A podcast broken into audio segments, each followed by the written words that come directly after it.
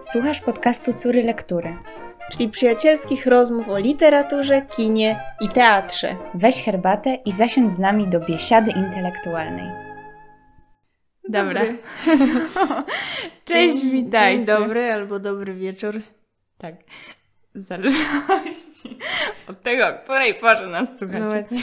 Dobra, słuchajcie. E, dzisiaj taki mamy plan, że jest kontynuacja poprzednich odcinków. Ciekawe.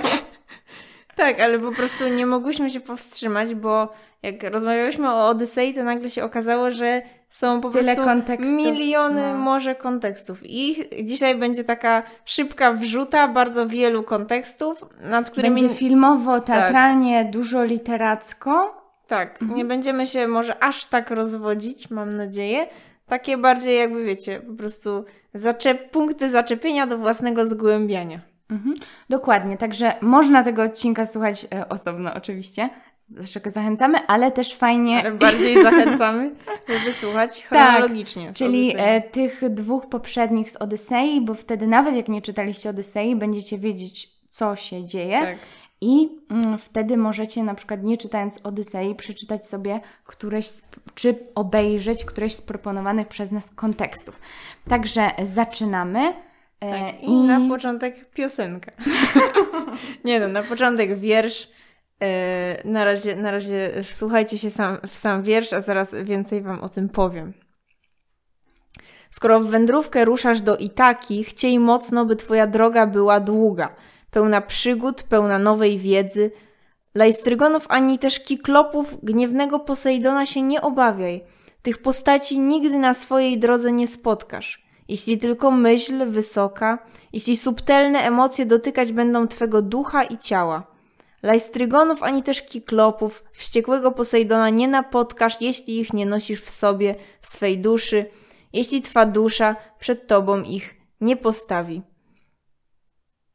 Yy, mogłabym czytać dalej, ale na razie nad tym się zatrzymam, ponieważ yy, ten yy, wiersz Konstantinosa Kawafisa, czyli greckiego poety, z, który mieszkał w egipskiej Aleksandrii, dość dobrze, no właściwie doskonale pokazuje nam taki no, y, archetyp, y, który właściwie jest no, kluczowy dla Odysei, czyli homowiator, czyli człowiek podróżnik. I w tym wypadku właśnie no, ten motyw podróży do Itaki, y, który no jakby w Odysei jest taki literalny, czyli że Odys rzeczywiście no, na takiej pierwszej warstwie znaczeniowej po prostu wraca do domu, no może być wykorzystywany na bardzo wiele sposobów. I u Kawafisa e, no właśnie ja dlatego e, ten wiersz to jest w ogóle... e, Też wspomnij, że Kawafis nie był poetą gdzieś tam starożytnym. Nie, nie, nie, no Kawafis to jest przełom XIX i XX wieku, czyli jakby to jest modernizm, to nie, nie jest też klasycyzm, bo z Posejdona się często chce robić, znaczy... Z Kawafisa się często robi jakby, zwłaszcza w polskich tłumaczeniach i to, co ja teraz przeczytałam, to jest tłumaczenie Ireneusza Kani, które jest, znaczy moim skromnym zdaniem jest całkiem w porządku, aczkolwiek no nie wiem, no nadal moim zdaniem pozostawia dużo do życzenia. Tak mi się wydaje, że nie ma jeszcze takiego dobrego tłumaczenia polskiego Kawafisa, bo te tłumaczenia są zawsze takie, takie klasycyzujące, takie trochę w taką herbertową, trochę dykcję uderzające. A Kawafis był właśnie takim, no dobra, może nie będę się rozwodzić nad dykcją Kawafisa, no ale on był właśnie modernistą, takim trochę y, bawiącym się w jakieś takie ornamentacje w wierszach, ale właśnie w tym wierszu Dlatego ja go tak lubię i wydaje mi się, że on jest taki dość też odpowiedni, kiedy chce się zastanowić nad Odyseją, że on właśnie zawiera ten, ten motyw, że e, te potwory, czyli właśnie ci lajstrygonowie i cyklopowie, to są jakby, e, tam Kawafis pisze, że nie spotkasz ich, jeśli twoja dusza ich przed tobą nie postawi, czyli że jakby tutaj ta podróż do Itaki jest jakby takim zmaganiem się z samym sobą ostatecznie. E, No i też, też właśnie jakby sama podróż jest też wartością, bo on od samego początku mówi, że jeśli wybierasz się do Itaki, chciej, żeby to była podróż długa. E, No i teraz bardzo ważne jest, yy, że jak ten wiersz się kończy, bo, yy, bo, bo, bo Kawafis pisze Zawsze Itakę noś w swoim umyśle, dotrzeć tam kiedyś to Twe zamierzenie. Podróży jednak wcale nie przyspieszaj. Niech raczej wiele lat podróż ci zabierze, abyś jako starzec do brzegów wyspy dobił, bogaty wszystkim, coś po drodze zyskał i wyzbyty nadziei na skarby i taki. I taka dała ci tę piękną podróż, gdyby nie ona, nie ruszyłbyś w drogę, ale teraz nic więcej już ci nie da.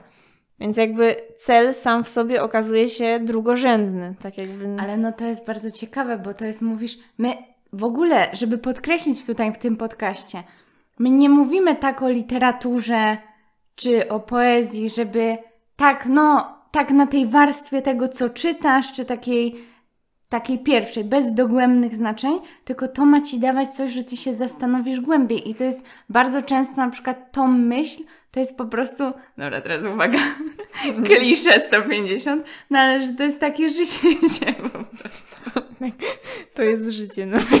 No nie, ale często się spotykasz z tym, że ludzie mówią, że to nieważny jest właśnie ten cel, tylko że jakby to, tylko właśnie ta droga, która cię do tego prowadzi. Tak, tak. No ale właśnie, właśnie, y, no też tak można właściwie czytać Odyseję samą w sobie, że jeśli wierzymy Odyseuszowi, że jemu się naprawdę to wszystko przytrafiło, co opowiadał, że mu się przytrafiło, a nawet jeśli mu się to naprawdę nie przytrafiło, ale on jakoś jakby coś z tego wy, wyczerpał dla siebie, no to, no to jest właśnie też taki jakby można powiedzieć, no metafora życia, jakkolwiek głupio to nie brzmi. Po prostu jakby takie zmaganie się, takie dążenie do czegoś. I jak ostatecznie już docierasz do tego czegoś, to jakby może, no tak jak u Kawafisa, to nie jest najważniejsze, że i taka dała ci tę piękną podróż, że gdzieś tam masz tę i takie, ale tak najważ najważniejsze jest to docieranie do niej. Tak. I to mi taką może być, nie wiem, jakiś cel. Że wcale się nie masz spieszyć. Tak, tak. I właśnie też ja y, z tym wierszem bardzo mocno łączę taki tekst y, Jacka Hajduka, który swoją drogą też jest tłumaczem Kawafisa. I właśnie on Kawafisa tak mocno łączy z Herbertem i tak nawet pisze o tym w ten sposób, że jakby Herbert przygotował polski język dla Kawafisa, ale ja uważam, że to jest bójda na resorach, to w ogóle nie o to chodzi u Kawafisa. No ale powiedzmy jakby te motywy antyczne oni mają wspólne, bo Kawafis też dużo jakby inspiruje się Homerem. E, już, już Mai przed nagraniem mówiłam, że Kawafis ma taki wiersz Achillesowe konie, który w całości opowiada o tych koniach. Kiedyś będzie o tym os- osobny Tak, odcinek. tak, bo on właśnie no, ma też dużo z Iliady wierszy, czy na przykład z historii starożytnej. Yy, ale w każdym razie Hajduk napisał taki tekst właśnie o Odyseuszu.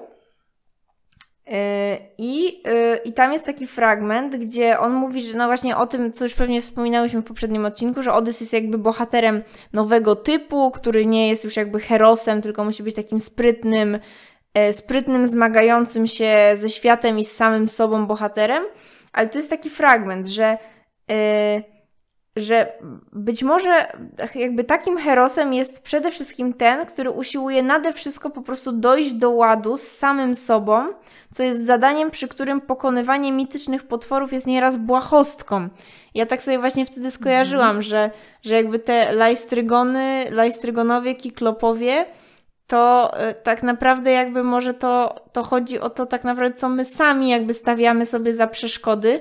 I też Odys, który jest taki, no jest dużo bardziej pewnie skomplikowany wewnętrznie, taki niejednoznaczny niż na przykład, nie wiem, Achilles, chociaż też no nie ujmowałabym Achillesowi, bo no jak wiemy, to też jest skomplikowana postać.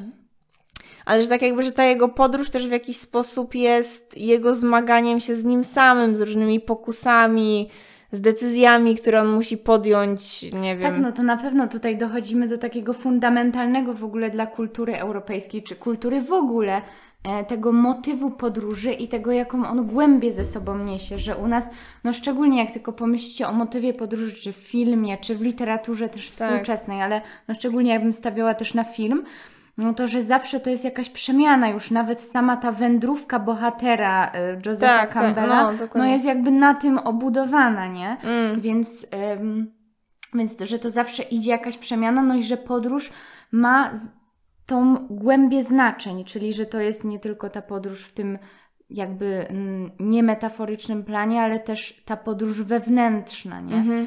Więc to rzeczywiście z tą, z tą duszą i z, z tym, no właśnie, co mówisz, że może to tak naprawdę nie była, nie była prawda, że Odys sobie nawet ubzdurał, czy doopowiedział część rzeczy, Czy, czy cyklopowie nie byli cyklopami na przykład. Tak, ale nawet jeśli byli, no to my możemy patrzeć tak jakby na różnych tak, że- poziomach no, na, to na tą chodzi. historię, tak, tak, nie? Tak. Mhm. No, no i właśnie, właśnie też tak y, w takim, idąc już takim poetyckim ciągiem, można powiedzieć, to y, właśnie no już Herbert, którego tu dwukrotnie już przywołałam, ale również y, również y, autor, który obficie korzystał z i z Kawafisa i w ogóle no właśnie z, z motywów antycznych, a także właśnie z tego archetypu homowiatora, napisał taki wiersz Podróż. No i Podróż jest jakby bezpośrednim dialogiem z Kawafisem, który zwraca wprawdzie na nieco inne rzeczy uwagę, ale, ale no nie będę Wam czytać całego, tylko parę, e, parę fragmentów. No mamy taki po, początek, który bardzo przypomina Kawafisa, bo tu właśnie mamy też, jeżeli wybierasz się w podróż, niech będzie to podróż długa, wędrowanie pozornie, bez celu, błądzenie po omacku, żebyś nie tylko oczami, ale także dotykiem poznał szorstkość ziemi i abyś całą skórą zmierzył się ze światem. No i tutaj oprócz tego motywu długiej podróży, która tym razem jest bez celu, jest błądzeniem, jest podróżą po omacku, jest takie coś, co Herbert no bardzo jakby i w swoich wierszach, i w swojej eseistyce, no i w swoim jakby dosłownym życiu praktykował, czyli takie właśnie zmysłowe poznawanie świata, czyli wszystkimi, wszystkimi zmysłami. I potem w kolei... Chłonąć. Tak, dokładnie. to No to jest po prostu. Herbert, który odwiedza Akropol czy jakieś inne świątynie i na przykład wącha kamienie, tam wsadza Mhm. nos w jakieś rozpadliny, że Herbert taki naprawdę był y, właśnie taki, no taki, takim ekstatycznym poznawaczem świata po prostu. A z drugiej strony właśnie to, o czym mówi druga zwrotka tego wiersza, bo on jest tak podzielony, że, że tam Herbert pisze zaprzyjaźnij się z Grekiem z Efezu, Żydem z Aleksandrii, poprowadzą ciebie przez uśpione bazary, y, no i tam potem jest jakby, że, że jakby właśnie poznawaj tych innych ludzi, że, że jakby zapomnij to, co wiedziałeś dotychczas, że zacznij się uczyć od innych ludzi, że wszystkiego masz smakować, żeby zapomnieć o swojej ojczyźnie, co też jest taki no, ciekawy wers, ale y, chodzi, chodzi jakby o to, że przede wszystkim ten wiersz jest o takim jakby właśnie poznawaniu, takim poznawaniu na wszystkie sposoby świata, y, właśnie zaprzyjaźnianiu się z różnymi osobami i też tak właśnie, no moim zdaniem też trochę, no o tym jest Odyseja, że Homer jak już jakby trafia gdzieś do kogoś, to wchodzi w takie, no przeróżne relacje z tymi ludźmi. Że Odyseusz. Tak, a co ja powiedziałam? Homer. Ale no, Jezus, tak, no. ale wiesz co, mi się to też wydaje, że w ujęciu Herberta to jest też takie bardziej bliższe nam, w Mhm. tym sensie, tak jak on tu pisze, mm, że to, co przeczytałaś, to mi się od razu nasuwa, że to wymaga dużej odwagi jakby. Mhm. Że to właśnie chodzi o to, żeby po prostu rzucać się, że nie chcesz gdzieś iść, nie chcesz Mhm. gdzieś wyjeżdżać, nie chcesz się pchać do przodu, bo to jest wychodzenie z Twojej strefy komfortu i to jest może takie nieprzyjemne i to nie jest łatwe, Mhm. ale ostatecznie, kiedy to zrobisz, to Ty możesz dojść do czegoś jeszcze lepszego.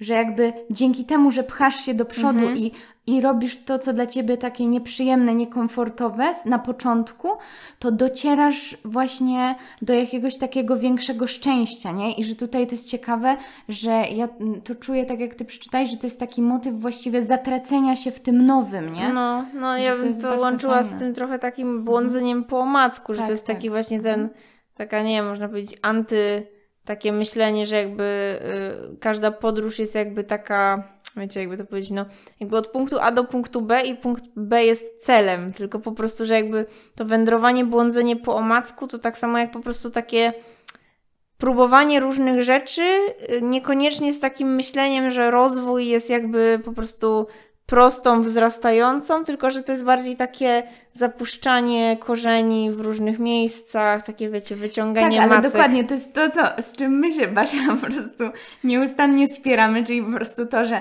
masz listę książek, którą Tak. trzeba przeczytać i chcesz to zrobić, ale już idziesz na tą ilość, czy Tak. z filmami, czy z czymś, a tu nawet chodzi o to, że jak pojedziesz, nie wiem, do Holandii zbierać truskawki przez dwa miesiące, to to równie dobrze jakby sprawi, że ty jakby staniesz się kimś nowym, bogatszym w Tak, doświadczenia no właśnie, bo też, będziesz no. miał jakby No bo No, też pamiętajcie, więcej no He-. Herbert tutaj mówi, jeśli już będziesz wiedział, zamilcz swoją wiedzę. Na nowo ucz się świata jak joński filozof, czyli jakby Tak.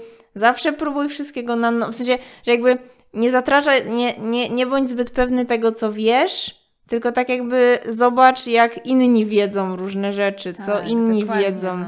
Nie, nie Że przyjmuj... Nie zamykaj. Tak, nie przyjmuj, No, że twoja dokładnie. perspektywa jest jedyną perspektywą. Mhm. Ale też, że, żeby już przeskakiwać dalej, to, to warto porównać, jak kończą się te dwa wiersze, czyli właśnie Kawafis i Herbert. Bo no, u, u, u Kawafisa pojawia się ta Itaka, która wprawdzie no, jest, nie była tym celem ostatecznym, ale jest. Natomiast u Herberta u Herberta y, kończy się ten wiersz tak. Oddaj puste siodło bez żalu, oddaj powietrze innemu. I powtarza potem znowu to, czym wiersz się za- zaczynał. Więc jeśli będzie podróż, niech będzie to podróż długa, prawdziwa podróż, z której się nie wraca, powtórka świata, elementarna podróż, rozmowa z żywiołami, pytanie bez odpowiedzi, pakt wymuszony po walce, wielkie pojednanie. No i ta końcówka jest taka, czy ona nie jest jednoznaczna, ale ja zawsze to czytam w ten sposób, że jakby, mm, no to jest takie po, pogodzenie się, pogodzenie się właściwie raz, że z utratą tego całego świata, że świat jest dany tylko na moment, że komuś innemu się oddaje to puste siodło, że jakby wędruje się samemu przez trochę, a potem się zostawia ten świat i tą, nie wiem, zagadkę życia, świata i tak dalej innym. No a, a z drugiej strony, że jakby ta podróż właśnie nie daje tych jednoznacznych odpowiedzi, czyli że to jest właśnie ten pakt wymuszony po to jest- walce. To jest to błądzenie cały czas. Tak. Ale z, z jednej strony właśnie to jest ten pakt wymuszony po walce, Mhm. czyli że y, to jest to takie, no, takie można Że powiedzieć, życie to jest mocowanie tą się ze walką. światem, z właśnie z tą trudnością, czym jest świat, dlaczego taki jest świat, ale z drugiej strony w tym właśnie jest takie to wielkie pojednanie, że ostatecznie godzisz się na ten świat. No i, no nie wiem, no to jest no strasznie trudne po prostu, żeby tak jakby, no zwłaszcza tak, nie wiem, no, no Herbert też pewnie miał trochę inne spojrzenie na świat, no Herbert też, no co by nie mówić, no miał jakby takie bardzo klasyczne podejście, że ostatecznie właśnie gdzieś tam próbował szukać tego wielkiego pojednania, ale tak jakby jak pogodzić to, że z jednej strony trzeba się ze światem mocować, a z drugiej strony trzeba się właśnie z nim pojednać. No i to jest takie, że świat jest z jednej strony bardzo piękny, a z drugiej strony bardzo, bardzo straszny. I też, yy, też, też wydaje mi się, że, że jakby tutaj już ostatni wątek Herbertowy, yy, bo jakby takim moim zdaniem dość paralelnym wierszem do tego jest wiersz yy, Modlitwa Pana Kogito Podróżnika właśnie Herberta. No tu występuje ta postać Pana Kogito, czyli takiego no, takiej jakby persony, której Herbert używa, używał bardzo często w swoich wierszach, takiego alter ego, k- który po prostu miał symbolizować właśnie z jednej strony, no to był pan Cogito, czyli pan no po łacinie pan myślenie, a z drugiej strony Cogito jakby symbolizował takie ludzkie ułomności, jakieś niedoskonałości. E, I właśnie ten, ten wiersz jest jakby napisany jako modlitwa, ale on zaczyna się właśnie od tego, że dziękuję Ci, że stworzyłeś świat piękny i bardzo różny. I tak, to jest takie bardzo dobre sformułowanie. No i generalnie ten wiersz opowiada o, o takich pięknych rzeczach, o różnych spotkaniach z ludźmi, o tym, jak jakby do, do tego podmiotu przemawiają różne, różne dzieła, różne budynki. Ale z drugiej strony też się pojawiają takie rzeczy właśnie jak jak y, wodnistoocy prześladowcy, jak y, inne cierp- jak, jak to, że inni ludzie cierpią. Y, więc jakby ten świat jest taki, znaczy tu jednak więcej, więcej jest tego piękna, ale i ostatecznie, ostatecznie podmiot mówi, że, że jest jakby światem uwiedziony na zawsze i bez wybaczenia i dziękuję jeszcze raz temu temu, temu Bogu czy temu Panu, do którego się zwraca, że właśnie stworzył ten świat piękny i bardzo różny. Ale moim zdaniem właśnie w tym sformułowaniu piękny i bardzo różny się zawiera takie, takie napięcie. I ta groza trochę. No taka, znaczy właśnie w tym wierszu tak ta groza nie, nie wybrzmiewa, tylko że, że tak jakby to uwiedzenie światem jest takie, że tak jakby właśnie ten bardzo różny świat, że on jest nie tylko piękny, ale jest też bardzo różny ale, ale z drugiej strony, no właśnie ten wiersz jednak jest taki, taki bardzo, jakby to powiedzieć, no pod, podkreślający takie piękne rzeczy. na przykład takie dwa fragmenty, które też uważam, że są fajne w odniesieniu do Odysei, bo tu on się zwraca do tego, y, tego, tego tam Boga. Proszę cię, żebyś wynagrodził siwego staruszka, który nieproszony przyniósł mi owoce ze swego ogrodu na, spalonym na spalonej słońcem ojczystej wyspie syna Laertesa, no czyli na Itace. E, a potem mamy, a także Miss Helen z mglistej wysepki mól na Hebrydach za to, że przyjęła mnie po grecku i prosiła, żeby w nocy zostawić w oknie wychodzącym na Holi Ajo na zapaloną lampę, aby światła ziemi pozdrawiały się. No i to są właśnie takie miniaturki o różnych, o różnych ludziach właściwie, których on poznał. No i to też bardzo takie, takie odysowe mi się wydaje, mhm. że tak właśnie, no właściwie przygody Odysa można by rozpisać na spotkania z różnymi ludźmi, które on odbywa, albo z tworami jakimiś. Mhm. I to tak samo. Ale to też pokazuje, jakie to jest nośne po prostu, że to jest taka kopalnia, na której. Ale to tak, no bo to jest, to jest mhm. chyba jakiś taki. Właśnie można się zastanawiać, czy to jakby z takiej greckiej tradycji ma taki, można powiedzieć, taki wzorzec podróżowania, jako właśnie podróżowanie, jako, nie wiem, poznawanie, się z innymi ludźmi, mhm. tak jakby w takie wchodzenie tak, w miejsce, ale to też w ogóle jakby powiedzieć o Odyseuszu i na przykład jego cechach, to mamy tę niezwykłą jakby taką ciekawość świata i to, to jakby chęć podróży, jakby to, że cię wręcz niesie, żeby podróżować po innych, y, innych krajach, nie?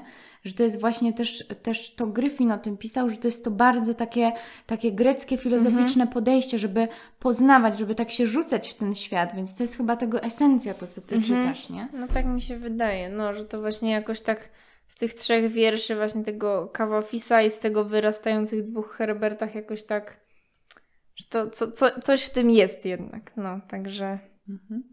Dobra, i teraz może jak jesteśmy jeszcze przy jakby wątku, no co by powiedzieć, e, kontekstach poezji, to ja może też wjadę ze swoim kontekstem, e, czyli z takim wierszem, e, który pewnie znacie, Leopolda Staffa e, i taka. Tak.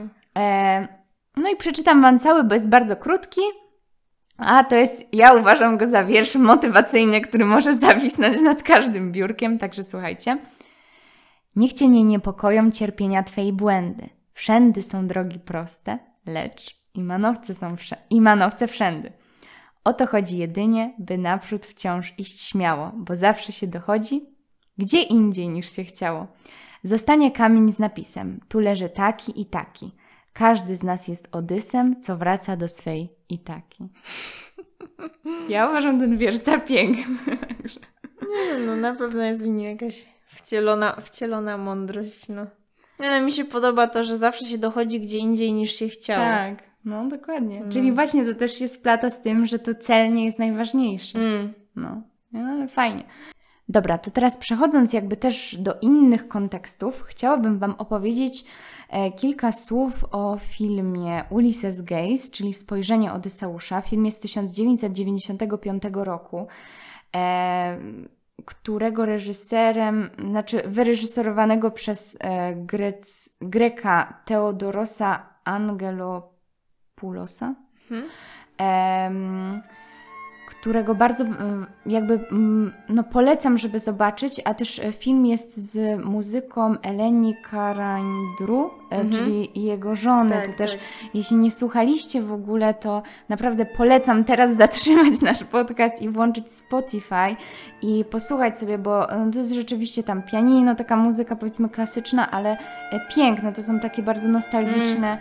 e, utwory. Mm, w każdym razie, no tak, film tytuł filmu Spojrzenie Odyseusza, natomiast nie jest to takie klasyczne odczytanie jak Andrzeja Konczałowskiego na, mm -hmm. na przykład. E, czy filmów o Odyseuszu, no. Odysei było kilka, ale wiecie, takich klasycznych, gdzie jest, nie wiem, lata 50. czy 60. i widzi tego Odyseusza, takiego, wiecie, z mm. naprężonymi mi mięśniami, który tam wykuwa y, oko cyklopowi, czy coś takiego.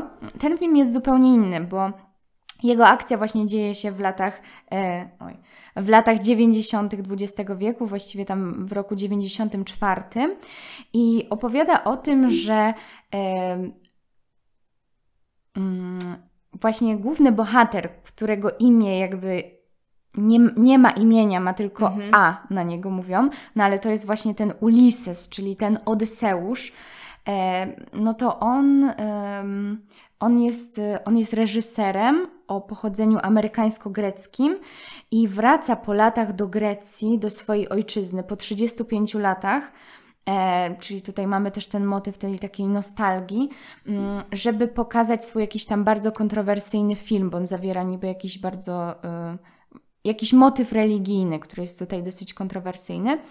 E, no ale tak naprawdę e, zaczyna wtedy swoją taką podróż, ponieważ tak naprawdę powraca też, żeby mm, odnaleźć zaginione trzy taśmy filmu braci e, Manaki, którzy, no właśnie, to byli bałkańscy reżyserzy, mm. którzy stworzyli pierwszy bałkański film właśnie w Grecji na początku XX y, wieku, no, kiedy kino powstawało, nie, nie wiem, który to był dokładnie rok, y, znaczy ten ich pierwszy film.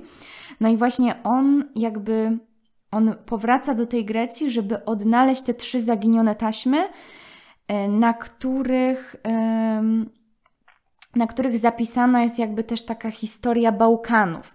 A co też jest ważne, że jakby film wyszedł w 95 roku, e, miał swoją premierę kilka miesięcy przed zakończeniem wojny w Jugosławii. Mm. I to też jest no, bardzo ciekawe, tutaj jest jakby to poruszona jakby ta współczesność e, jakby dla e, reżysera tego filmu i generalnie tego, kiedy powstawał, czyli no tego, te, tego wszystkiego, co straszne się tam działo. No i tutaj film jest też takim pytaniem o taką tą jedność Bałkanów mhm. i o. Mm, jakby to powiedzieć, no właśnie o odnalezienie jakiejś takiej wspólnej historii i dlatego te taśmy, te filmowe, mm, których, których główny bohater A poszukuje, mają być jakby, no właśnie tą taką syntezą.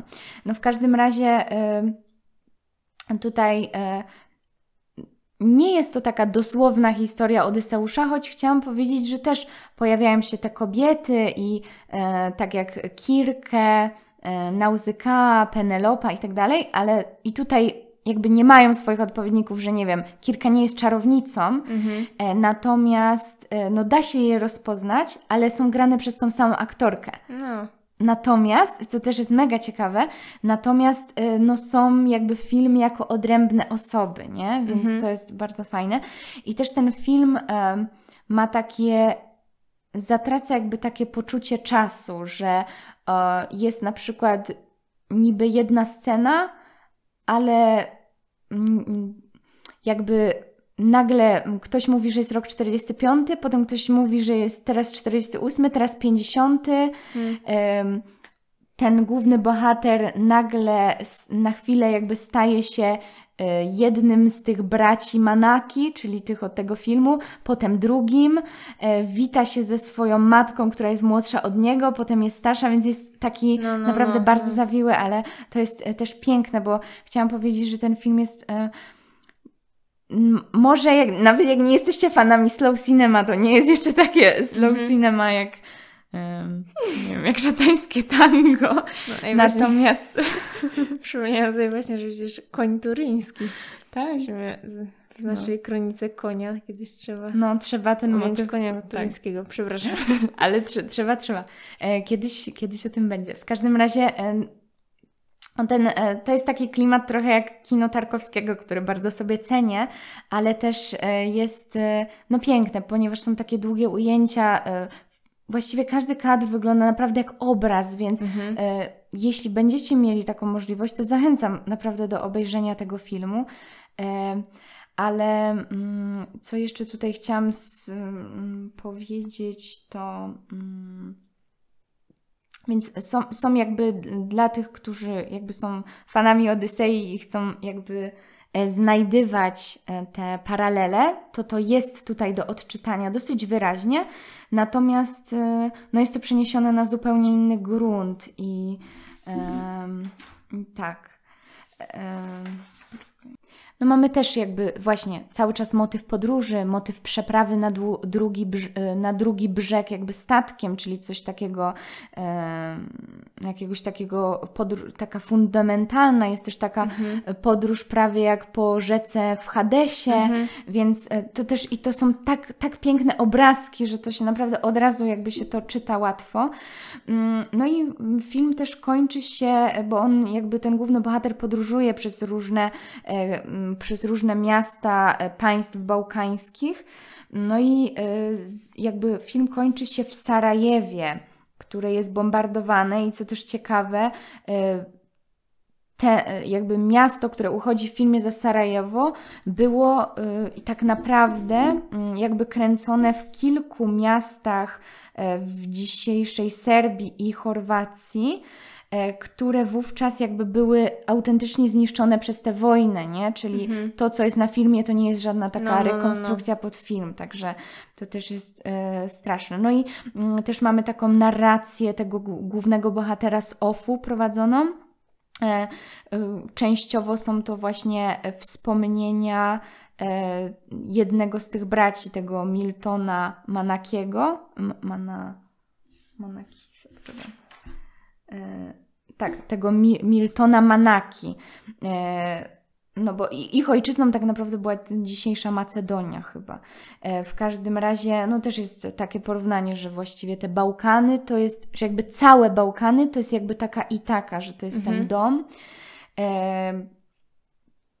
I... A, no i tak, jeszcze mówiłam, że właśnie film kończy się w Sarajewie, E, tutaj może nie, nie będę tak spoilerować dokładnie, e, jakby co się tam dzieje, bo rzeczywiście jest też taki traumatyczny dość. E, natomiast ten główny bohater A odnajduje człowieka, który w tym, w tym Sarajewie jest jakimś mm, nie dyrektorem kina, ale takim konserwatorem, że on się zajmuje mhm. tymi taśmami i tak dalej. I też to jest to Sarajewo, to takie bombardowane, bo tam też jakby w filmie cały czas jest obecna wojna. No i e, właśnie odnajduje tego Iwo Lewiego, e, który e, to, to jest właśnie ten, ten człowiek, który pracuje w tym kinie, no i on się okazuje, że on ma jakby te mhm. taśmy, ale odnalezienie tych taśm nie jest jeszcze końcem filmu i tam się jeszcze coś dzieje, czego może nie zdradzę, ale, no, ale tak, tak to wygląda.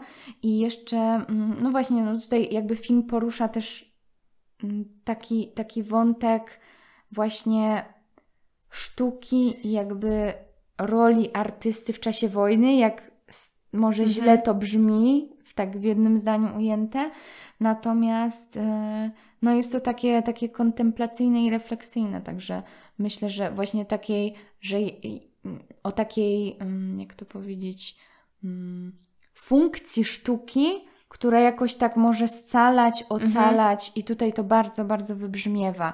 E, a jeszcze dla może fanów Bergmana powiem, że tego, tego właśnie Iwo Lewiego, e, w tym, tego starca w tym kinie gra Eland y, Josefson, czyli aktor, który grał w prawie każdym filmie mm -hmm. Bergmana. No, Także, no. To, no ale bardzo polecam, nawet dla pierwszej sceny. Poświęćcie 5 minut i obejrzycie scenę otwierającą. A e, teraz być może e, albo pod koniec podcastu usłyszycie mm, monolog głównego bohatera, czyli tego naszego Odyseusza, który kończy film i też e, no jakby to fajnie podsumowuje, bo to jest dosłownie to, co mógłby powiedzieć Odys w Odysei mhm. Homera.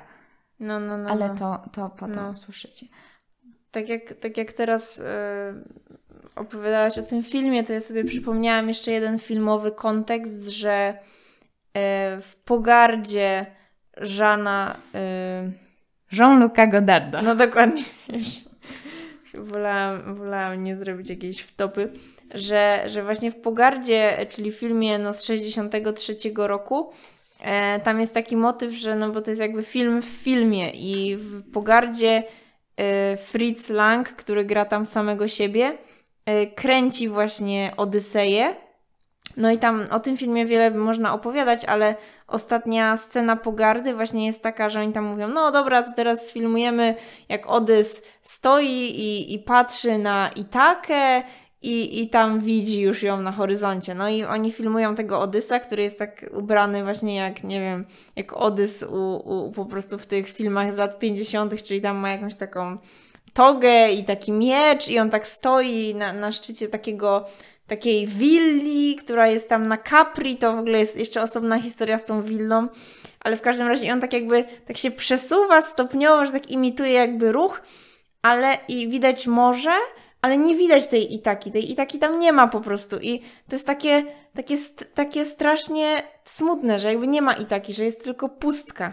I tak y, jakby trochę, trochę to podsumowuje to wszystko, co się dzieje wcześniej w Pogardzie, ale że tak jakby ten Odys dokąd zmierza, ale zmierza donikąd, ale to jest raczej takie pesymistyczne. Mhm. No, ale, ale dla samego motywu w ogóle kręcenia, kręcenia Odysei warto obejrzeć Pogardę. W ogóle jakby warto dla wszystkiego obejrzeć Pogardę.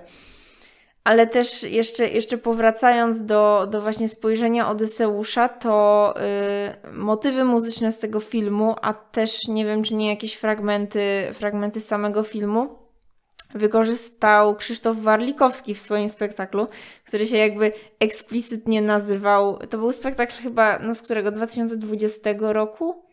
Nie, no Basia chyba z zeszłego roku. Bo my byłyśmy jakoś no tak. premierze, tak myślę. No masz rację, masz rację. No to 2021. Mhm. E, Odyseja, historia dla Hollywoodu i ten tytuł jest taką kontaminacją jakby no z jednej strony Odysei, a z drugiej strony e, report, dwóch jakby reportażu Hanny Kral, który właśnie nosił taki tytuł Historia dla Hollywoodu.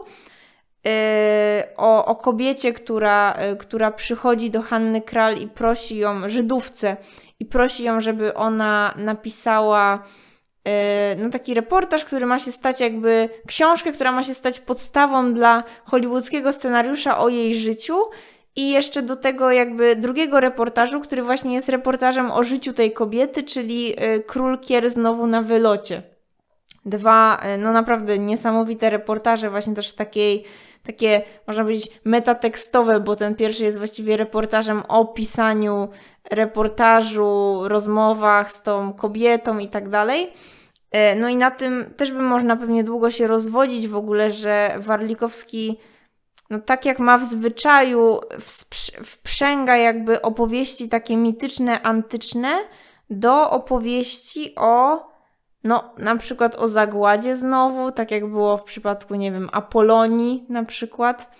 Mm, no ale tutaj w, w tym wypadku właśnie taka ta podróż tej, tej głównej bohaterki jest, jest jakby Y, zestawiona z podróżą Odyseusza.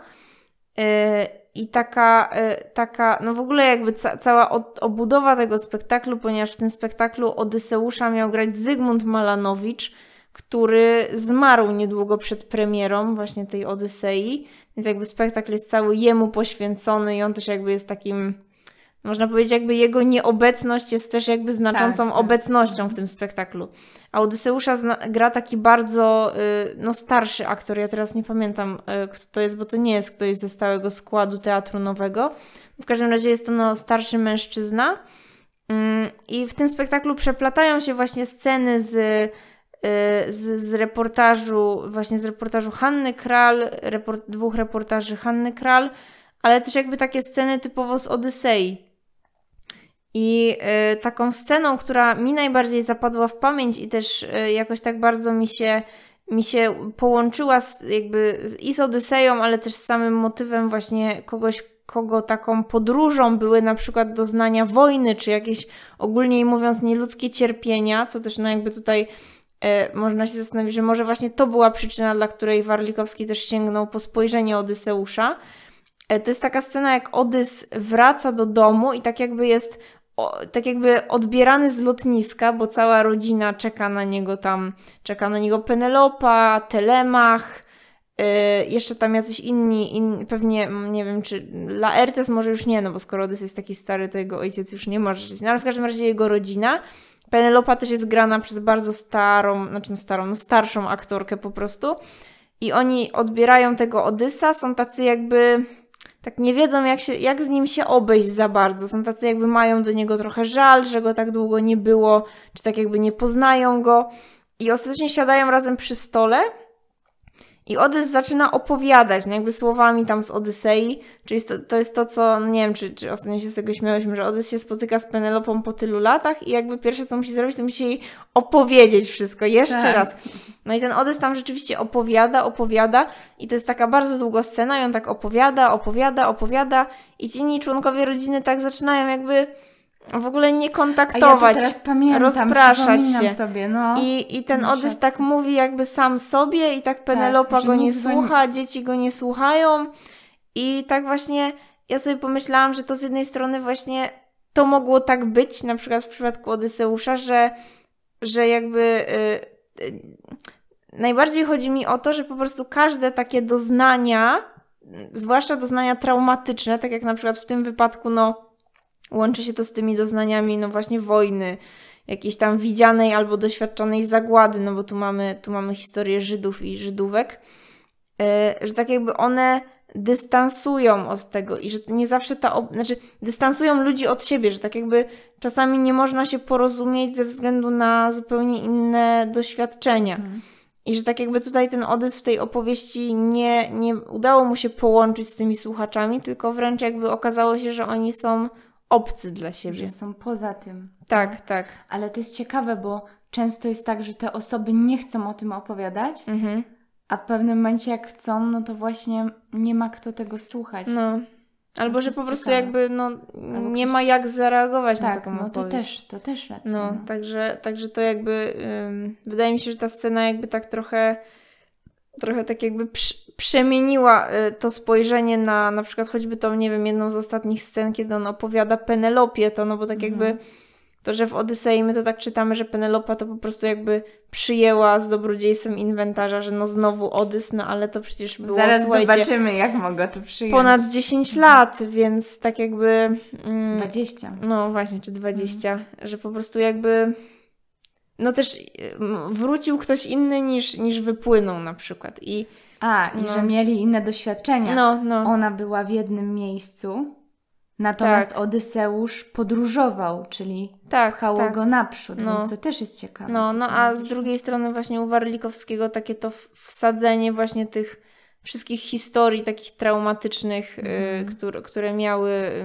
no miała głównie ta jedna bohaterka i jakieś powiązane z nią osoby, właśnie w taki jakby schemat y, Odysei, czyli że jakiejś właśnie podróży, no bo też jakby rzeczywiście ta główna bohaterka odbywa taką podróż, y, która też się łączy z mm, no z wyswobodzeniem, y, ostatecznie z wyswobodzeniem jej męża z obozu. Także, no to pewnie jeszcze można by, można by więcej powiedzieć, ale to, to żeby tak tylko zaznaczyć, że, no, że, że właśnie jakby to też jest kolejny taki sposób, w jaki można y, wprzęgnąć Odyseję w, w jakiś, w, w opowieść o czymś innym.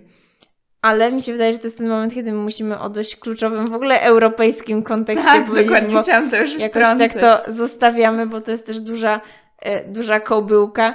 E, Tak, kiedyś o tym powstanie o- odrębny Myślę, że odcinek albo w ale- ogóle odrębny seria. No, ale, Każdy- ale, ale mhm. teraz tylko tak, tylko tak y, jakby zaznaczamy, że również nie jest nam obcy kontekst oczywiście Ulyssesa y, Jamesa Joyce'a, czyli no też jakby y, można powiedzieć modernistycznej, dwudziestowiecznej Odysei.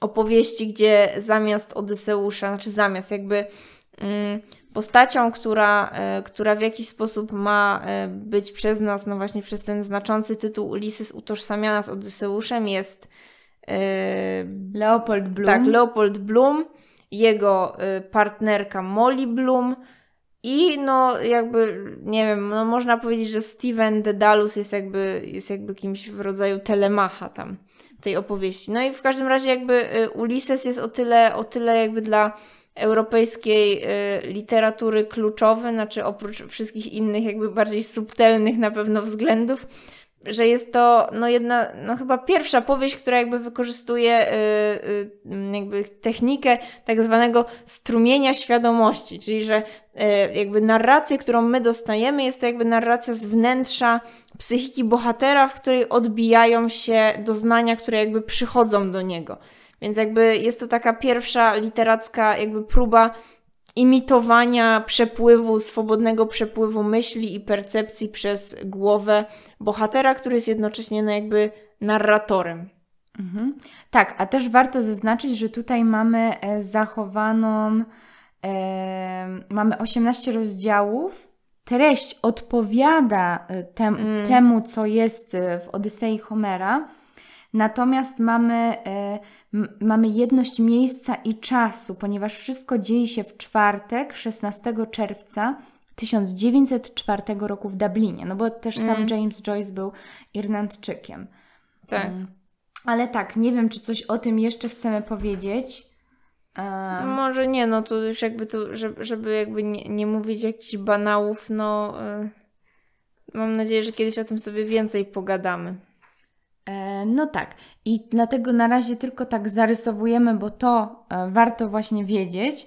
E, natomiast byśmy przeszły też do takich tego, co kluczowo chcemy powiedzieć, czyli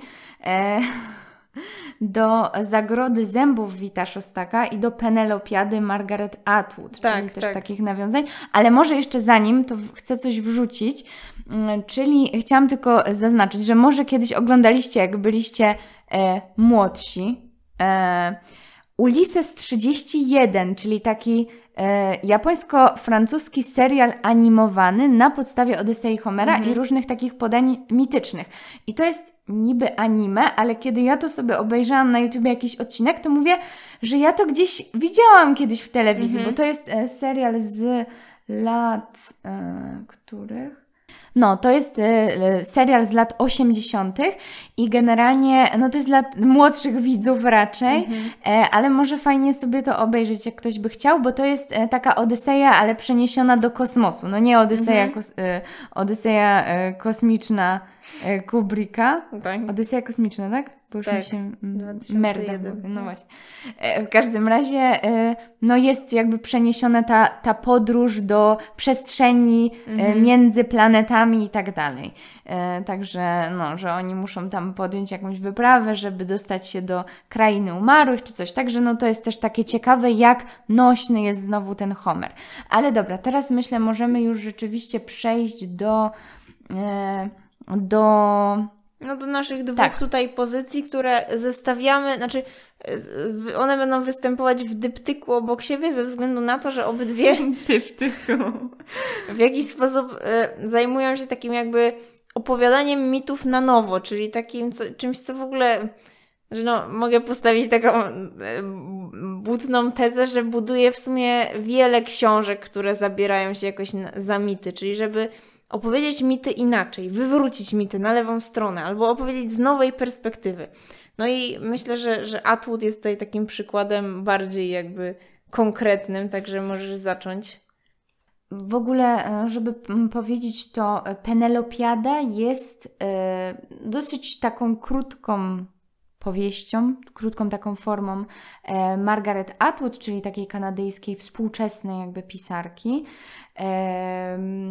no, autorki opowieści podręcznej chociażby. Mm. W każdym razie Atwood y, jakby na kanwie Odysei Homera, ale też mitów greckich Roberta e, Gravesa mm, postanowiła opowiedzieć tę historię z jakby jak ona mogła wyglądać oczami Pers y, nie Persefony, tylko Penelopy i tych dwunastu służek, strąconych, jakby dwunastu służek zabitych e, po, tym, po tej rzezi zalotników, tak? Przez Odyseusza, to pamiętacie, jak oni, mm. one zostały powieszone, zabitych przez Odyseusza i Telemacha. No i na tym głównie tutaj skupia się Atwood, czyli na jakby tych głosach kobiet i no i tutaj też powiem tak na wstępie, że nawet jak nie czytaliście Odysei, to bardzo fajnie, po przesłuchaniu oczywiście naszych podcastów Odysei, przeczytać Atwood, ponieważ szybko, szybko się to czyta, e, a bardzo e, tak e, rozjaśniają się pewne mhm. rzeczy, że tutaj mamy trochę szerzej niż w Odysei, właśnie na bazie tych mitów i tak wszystko nam się wyjaśnia i ładnie dopełnia. Ale mamy tutaj generalnie też też właśnie różne rozdziały podzielone, e, znaczy, że to są jakby pieśni, też mamy pieśni, mamy przesłuchanie, e, mamy wykład, więc Mm. są takie różne tutaj formy. E, No i też mamy Penelopę, która opowiada jako dusza, jakby, że Penelopa jest już umarła i znajduje się w Asfodelu, czyli jakby chyba na takich łąkach asfodelowskich w Hadesie. No i jakby opowiada też no o wszystkim. O czym opowiada? Opowiada na przykład o swoim dzieciństwie, że była córką Ikariosa, czyli króla Spar- Sparty, a jej matka była Najadą. E, No i w ogóle, że e, na przykład w dzieciństwie e, ten jej ojciec próbował ją utopić i dlatego, mm, a, a jakby Posejdon jej nie przyjął, bo ona miała Mhm. być jakąś ofiarą, znowu to była jakaś przepowiednia, coś takiego. No i, no i wypłynęła na powierzchnię i dlatego wszyscy mówili na nią jak kaczuszka i Mhm. coś takiego. W każdym razie też e, na przykład dowiadujemy się, że Helena była jej, była kuzy, kuzynką e, Penelopy e, i w ogóle też tutaj jest dużo poświęcone jakby postaci Heleny, która jest przedstawiona na, w bardzo takich czarnych barwach, że Helena jest właśnie mm, taką, wiecie, kobietą, która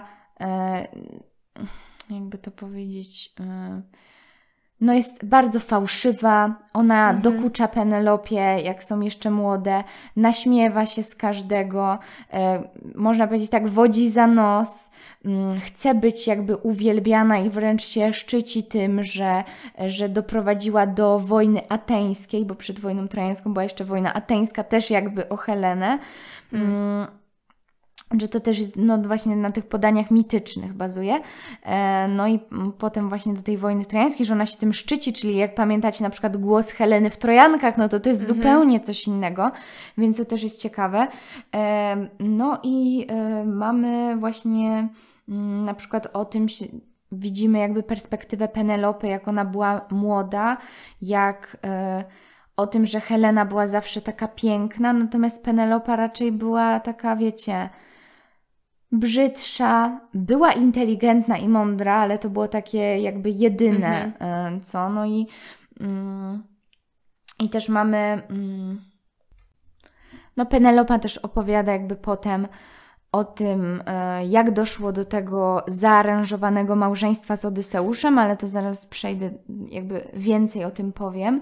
E, Natomiast, e, no jakby opowiada potem o tej nocy poślubnej, o tym jak podróżowała na Itakę, potem jak Odys wyjeżdż, no jakby wyjeżdża na wojnę trojańską, potem co się dzieje pod jego nieobecność, potem jak wraca, no i te służki, które zostają zabite i one odkreślają, one w ogóle pełnią w tej, w tej powieści taką rolę chóru. Mhm. I e, właśnie Atwood też tam pisała e, potem na końcu, że, że w różnych takich greckich satyrach to też była właśnie taka, mm, taka parodia, że na przykład zma- zmarli, czy mm, ktoś taki, to, to jakby był chór, a tutaj właśnie są te kobiety, które tak lamentują. E, No, mamy właśnie też na przykład to. Mm, jak to wygląda od strony dusz, które są w Hadesie, bo ona na przykład opisuje to, że, e, że, że, mm, że dawno temu każdy, kto chciał się nas poradzić, podrzynał gardło owcy, wołu bądź świni, krew ściekała do jamy wykopanej w ziemi. Na woń krwi pędziliśmy prosto w tamto miejsce niczym muchy do ścierwa. Trzepocząc, ćwierkając, zlatywaliśmy się tysiącami, jak zawartość gigantycznego kosza na śmieci porwana huraganem, a taki czy inny samozwańczy heros odganiał nas mieczem, dopóki nie przybył ten, kogo zamierzał prosić o radę. E, tu następowało parę mętnych przepowiedni. Nauczyliśmy się wieścić niejasno. Po co mówić wszystko? Niech wracają po więcej z nowymi owcami, wołami, świniami i tak dalej. Bo tutaj też właśnie podkreśla, że na tych łąkach asfodelowych ona może się żywić jakby tylko tymi korzonkami czy czymś. No i dlatego to jak Odys schodzi do tego Hadesu, dlatego jakby te dusze przybywają na krew, bo one są rzeczywiście tego zgłodniałe. I ona też opisuje to z perspektywy tych dusz, że to pokazuje im jakby też wgląd w to życie ziemskie, czego są takie ciekawe, nie? I e, także to jest też e, tutaj fajne. Mm. no właśnie o, o tym na przykład o nawiedzaniu, o, o tym jak dusze potem powracały w snach. No i tutaj dużo jest jakby też o tym życiu jakby takim pozaziemskim, ale e, to jeszcze chciałam powiedzieć, że na przykład jak doszło do ich tego małżeństwa, że generalnie mm, generalnie ona była, znaczy Penelopa była córką króla Sparty i miała, mm, no, miała bogatą komnatę, generalnie miała dużo bogactwa, a jakby aranżowane małżeństwa też polegały na tym, że no, ta kobieta wnosiła ten swój posag, mhm. tak, ze sobą. No i, e, i jakby ten jej ojciec chciał, żeby Penelopa została, kiedy na przykład no bo o, o, jakby zorganizowano takie zawody, no i ten, który tam wygra, tam bieg czy coś takiego, to miał, no miał po prostu być jej mężem, tak? No i ojciec chciał, żeby ten przyszły mąż został z nimi w tej sparcie, żeby majątek jakby został. Mhm, tak, Natomiast tak, tak, tutaj Odyseusz, który zwyciężył to, zaraz się właśnie okaże, jak on to zwyciężył, no Odyseusz jakby chciał i ostatecznie postawił na swoim, że to Penelopa popłynęła do Itaki i potem ona będzie mówiła, że no popłynęła z jedną swoją starą służącą, yy, która jak umarła, no to Penelopa właściwie nie miała się do, do kogo odzywać. Tam w Itace przez yy, na przykład matkę Odysa była traktowana jak mebel. Ona dosłownie mhm. to pisze, że by, jakiekolwiek uwagi to były traktowane jak w powietrze, że już mhm. w pewnym momencie ona stwierdziła, że w ogóle nie będzie się odzywać, nie miała tam nikogo. I tak naprawdę była bardzo samotna. Nie miała też takich luksusów, bo oni byli biedniejsi, tak? Mhm. No bo i taka to była taka wieś, nie ukrywajmy, tak, tak, przy no. Nie? E, no i też, że na przykład ona jak chciała, jedyne co mogła robić dla zabawy to przechadzać się brzegiem morza, ale i tak nie mogła robić tego sama, tylko zawsze ktoś musiał iść kilka kroków za nią i pilnować, czy na przykład nie zdradza Odysa, nie? Mhm. I że to była taka nieustanna kontrola jakby ze strony właśnie tej matki Odysa i tych wszystkich osób. Mm, ale też mm, żeby powiedzieć właśnie o tym, o, tych, o tym małżeństwie, no to to, że tutaj ona jak o tym opowiada, to mówi, że e, jak te jej siostry i kuzynki tam mówią, no a, a może ten, że kto ci się dostanie i tak dalej, jako ten mąż, to mówią, mm, że o Odyseuszu tak, był jednak mądry, mówili, stanowczo zbyt mądry, mężczyźni z niego żartowali. Nie graj z Odysem, przyjacielem Hermesa, zawsze przegrasz. Innymi słowy, to oszust i złodziej. Właśnie taką sławą cieszył się jego dziad Autolikos, który ponoć niczego w życiu nie zdobył uczciwie. No i też, e, i też e, no tutaj pojawia się dużo, że naprawdę warto przeczytać tą, mm, jakby tą e, Penelopiadę, bo też jest właśnie historia tego jego dziada, Odyseusza, mhm. że naprawdę pozwala nam to lepiej to zrozumieć. I też tutaj mamy wątek na przykład tych krótkich nóg, e, to niby, co, co niby e, tam szybko nogi Achilles to był w Iliadzie, ale że Odyseusz miał krótkie nogi, a Penelopa też i dlatego do siebie pasowali. No i że tam e, potem, że, że mm, Odyseusz to on chciał tak naprawdę prowadzić spokojne życie na, e, jakby mm -hmm. na Itace, tam osiąść, a że Penelopie też to by pasowało, bo ona zawsze była taka cichutka, spokojna i tak dalej, nie? Mm. No ale właśnie też, e, też co chciałam powiedzieć z tym z tym, jak Odysowi się dostała Penelopa, to że on tak naprawdę, no, Penelopa tutaj mówi, że ona nie wie tego na 100%, ale podejrzewa, że on tak naprawdę oszukiwał. Czyli już mhm. nawet w tym micie, można powiedzieć, no, założycielskim, no, no. Odyseusz oszukiwał. I tutaj jest, że legenda głosi, że byłam zapłatą za przysługę, którą Odyseusz wyświadczył Tyndareosowi. E, ponieważ kiedy były, jakby wszyscy zabiegali o, o rękę Heleny, e, to mm, Odyseusz, no to jest to, co mówiłyśmy w tym odcinku przed Iliadą. Za radą Odyseusza wszyscy zalotnicy Heleny przysięgli, że mm, staną w obronie zwycięzcy, tak? Czyli, czyli przed jeszcze w, w, wyłonieniem tego, tego kandydata, Mhm. tak? Wszyscy przysięgli, że staną w obronie zwycięzcy, gdyby inny mężczyzna próbował mu Helenę odebrać. No Mhm. i stąd potem wzięła się jakby ta wojna trojańska. No i potem Helena jakby wychodzi y, za Menelaosa, natomiast, y, natomiast ten Tyndareos, który też był królem Sparty razem z ojcem, y, razem z ojcem Penelopy, tym Ikariosem, to była taka, mm, no była te, był taki zwyczaj, że mieli jakby rządzić na przemian przez rok, a ten Tyndareos chciał jakby tronu tylko dla siebie.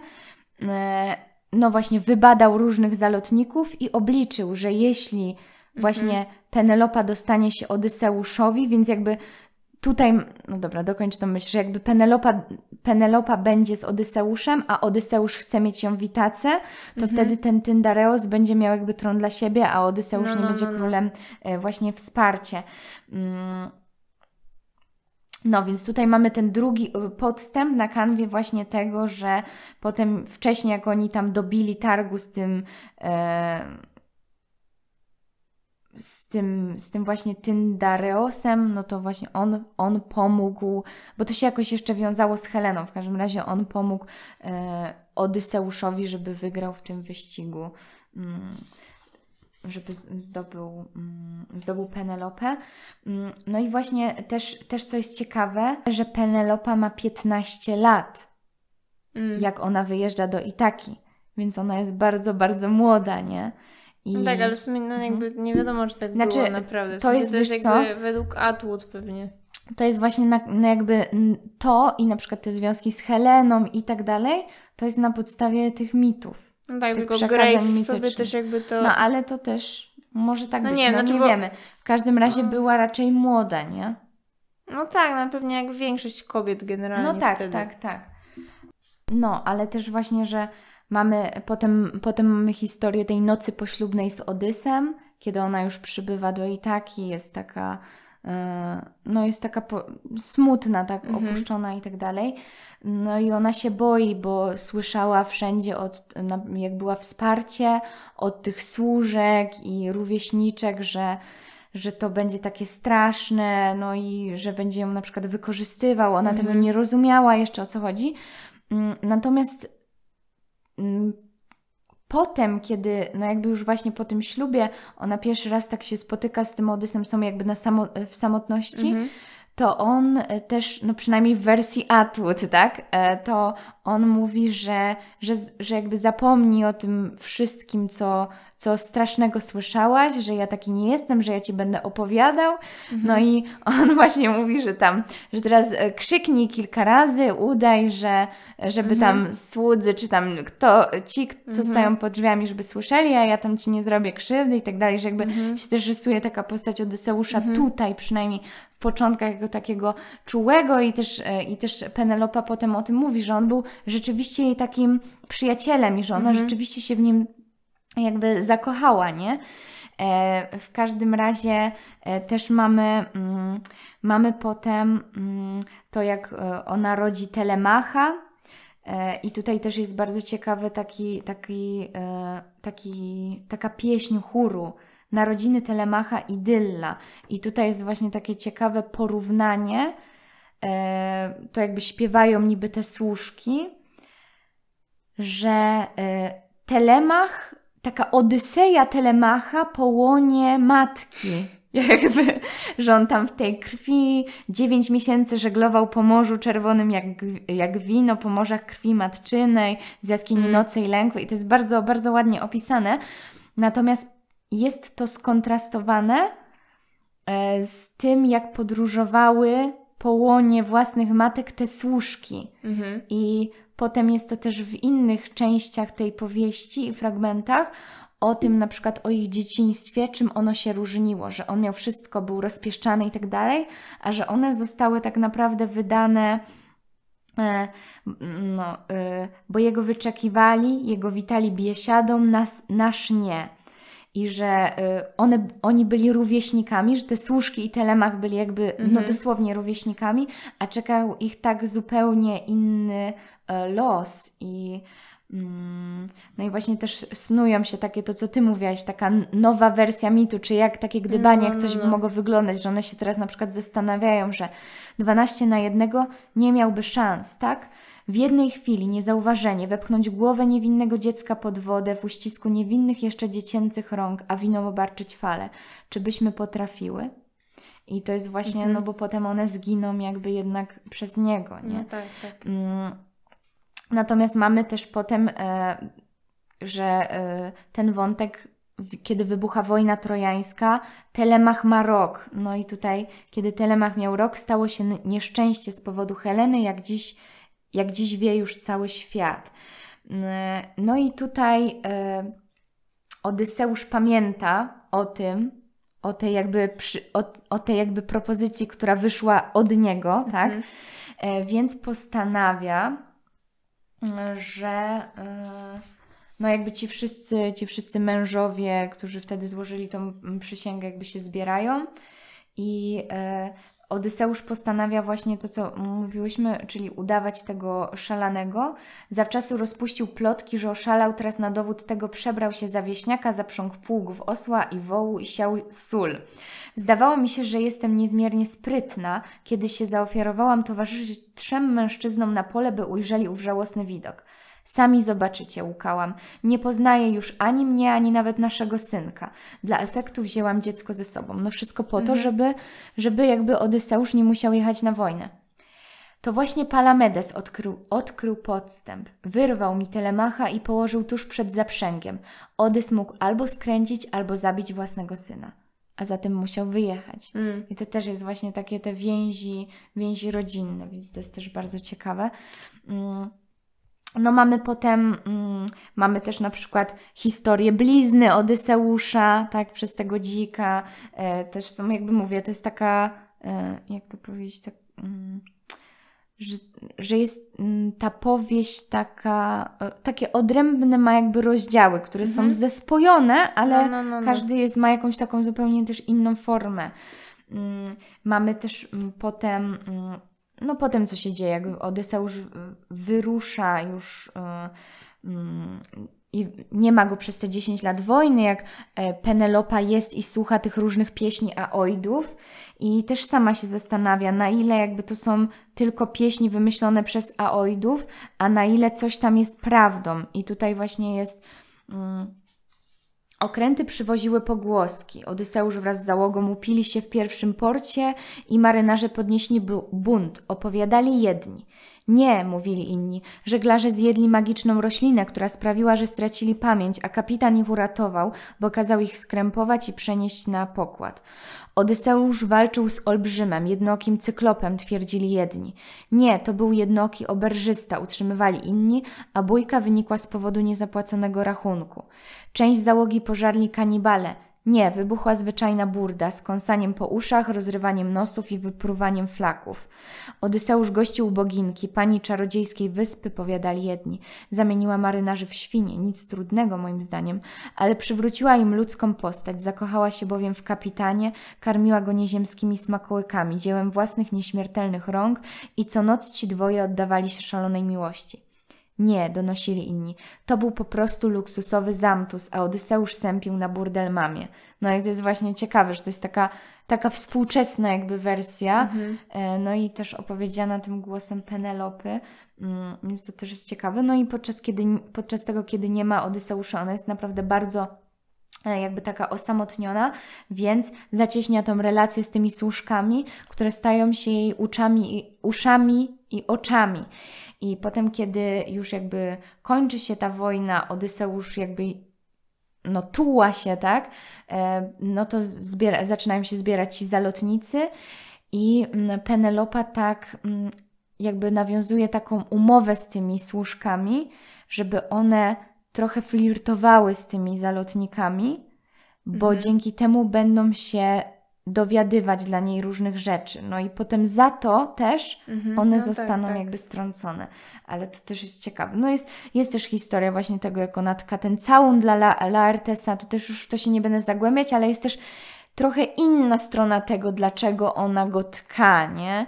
Em, że, że no, mamy też na przykład złe sny Penelopy, mm, jakieś koszmary, kiedy jej się śni, że to, e, nie wiem, cyklopi pożarli Odyseusza i tak dalej. I ona też, ona też już sama w pewnym momencie powątpiła i mówi, a może on nie żyje już tak naprawdę.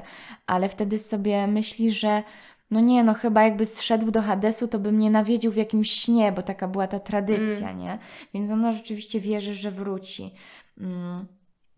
No i też opowiada o relacji z Telemachem, który jakby już dorasta i zaczyna się buntować i jest taki bardzo właśnie, że em, no, że uważa, że Penelopa jest niewdzięczna, że ona trochę flirtuje z tymi zalotnikami, no i się wyrywa z domu i no po prostu, żeby się dowiedzieć e, czegoś o ojcu, a Penelopa się strasznie na to denerwuje, no bo on ma, powiedzmy, nie jest jeszcze pełnoletni, e, uważa, że sam będzie decydował, on chce już mówić własnej matce, Penelopie, co ma robić, jak powinna żyć. No, no, i no, Penelopa też to jest takie straszne, bo ona mówi w pewnym momencie, że no jej się wydawało jakby on już potem jak powraca, to tak jakby dla niego lepiej by było, jakby ona umarła, bo wtedy, wtedy zostałaby przywrócona cześć dla, Ita, dla Itaki Mhm. i dla Odyseusza i że ten Telemach jest tu taki tak antagonistycznie nastawiony w No, no, stosunku no, do no. niej. Chociaż też bywają takie miłe momenty, między innymi to, jak, jak mówi jej, że mm, jak Telemach opowiada, że tam jak był y, dowiedzieć się, co, co z Odyseuszem, to spotkał Helenę. I, I Helena, i, i jakby Penelopa się wypytuje, no i co, jaka była, nie? No bo Helena już jest stara. A Telemach tak, ona mówi, że no, Penelopa mówi, że widziała, że kłamie, ale mówił, żeby jej nie było przykro, że no, że przy tobie to ona jest taka brzydka i w ogóle. Więc też No, no, jakby no, są no. takie miłe momenty. Mm. Natomiast, e, e, poczekajcie, e, tutaj jeszcze co miałam.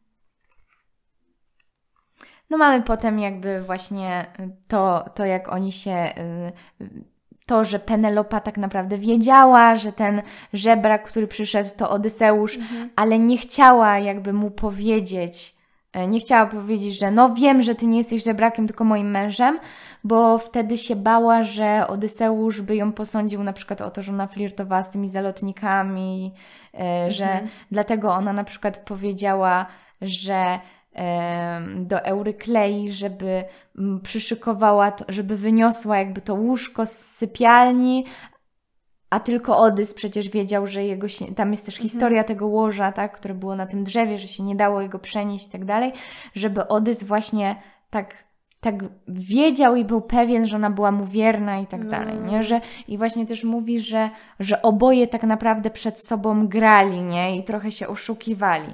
Mm.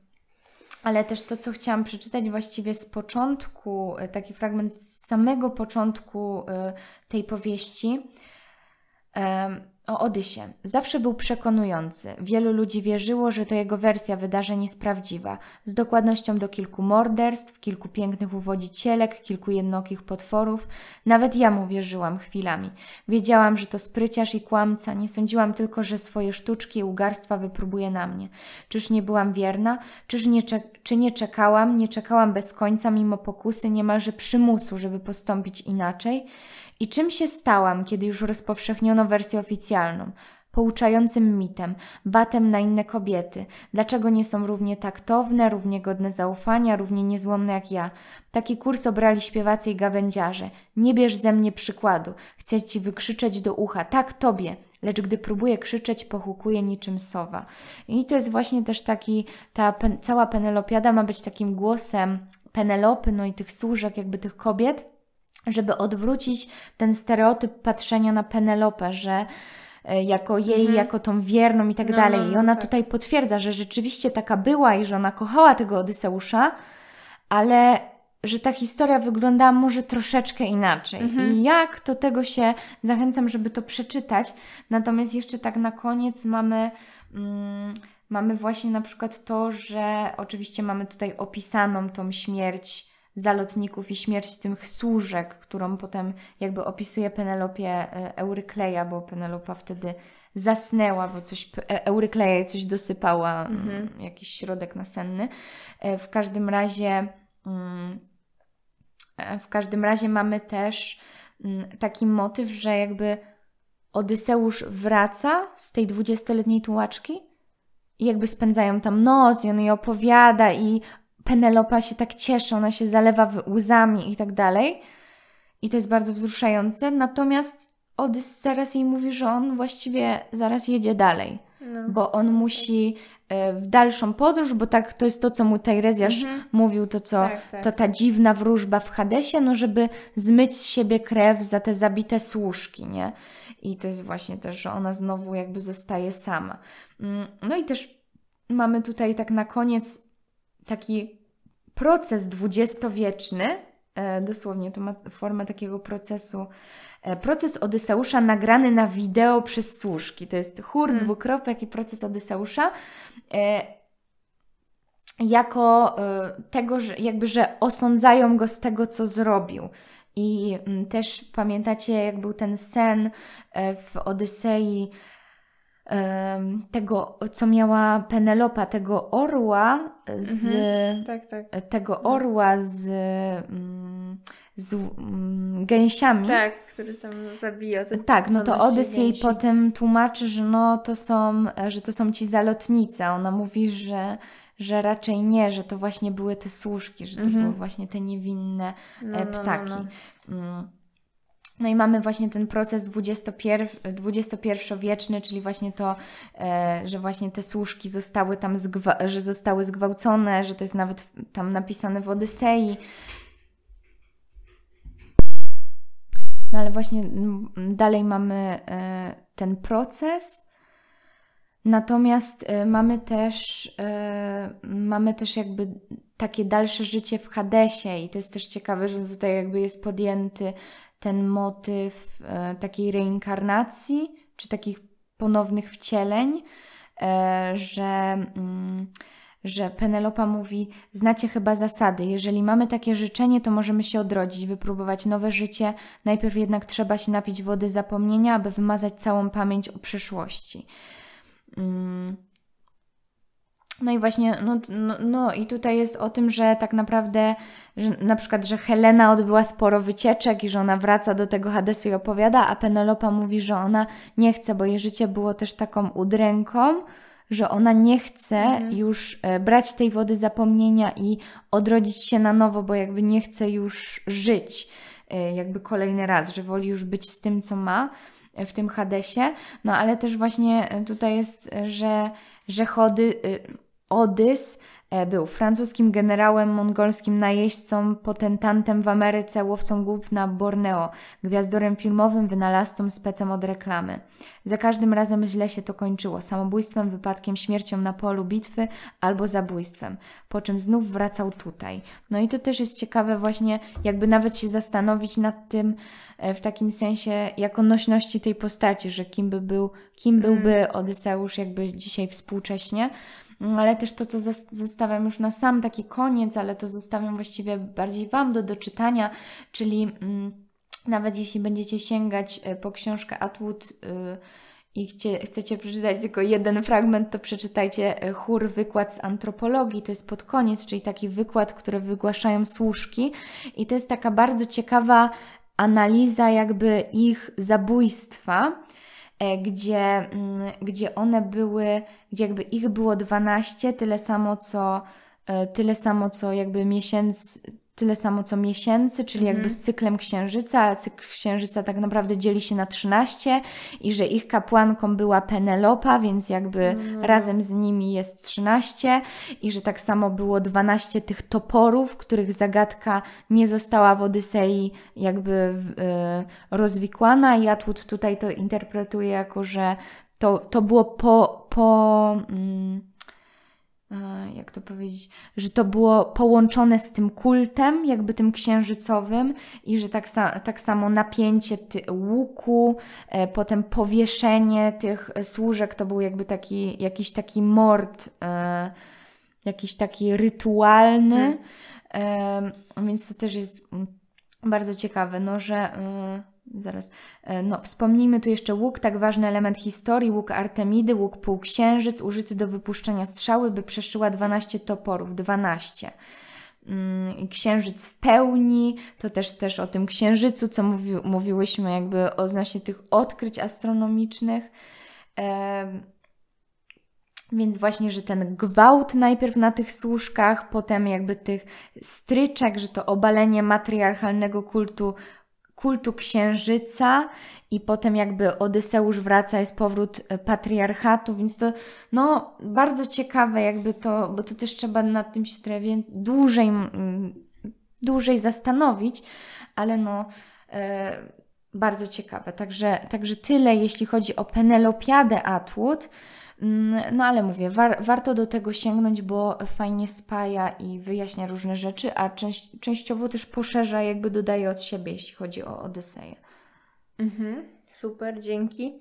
No moją taką wrzutką, jeśli chodzi o taką w ogóle jakby kulturę przepisywania mitów na nowo, y, jest właśnie książka y, Zagroda zębów Wita Szostaka. I Wit Szostak, no w ogóle to jest dość ciekawa postać, bo jakby y, Witrzostak jest jakby jego takim, no można powiedzieć, no pseudonimem literackim, ponieważ tak naprawdę jest to Dobrosław Kot i to jest dość zabawne, bo... Naprawdę? Tak, bo Witrzostak już jest A to takim... jest mniej więcej z którego? No, 76 rocznik. Aha. I on, generalnie Dobro, Dobrosław Kot jest filozofem yy, i właśnie jako Dobrosław Kot publikuje swoje filozoficzne teksty.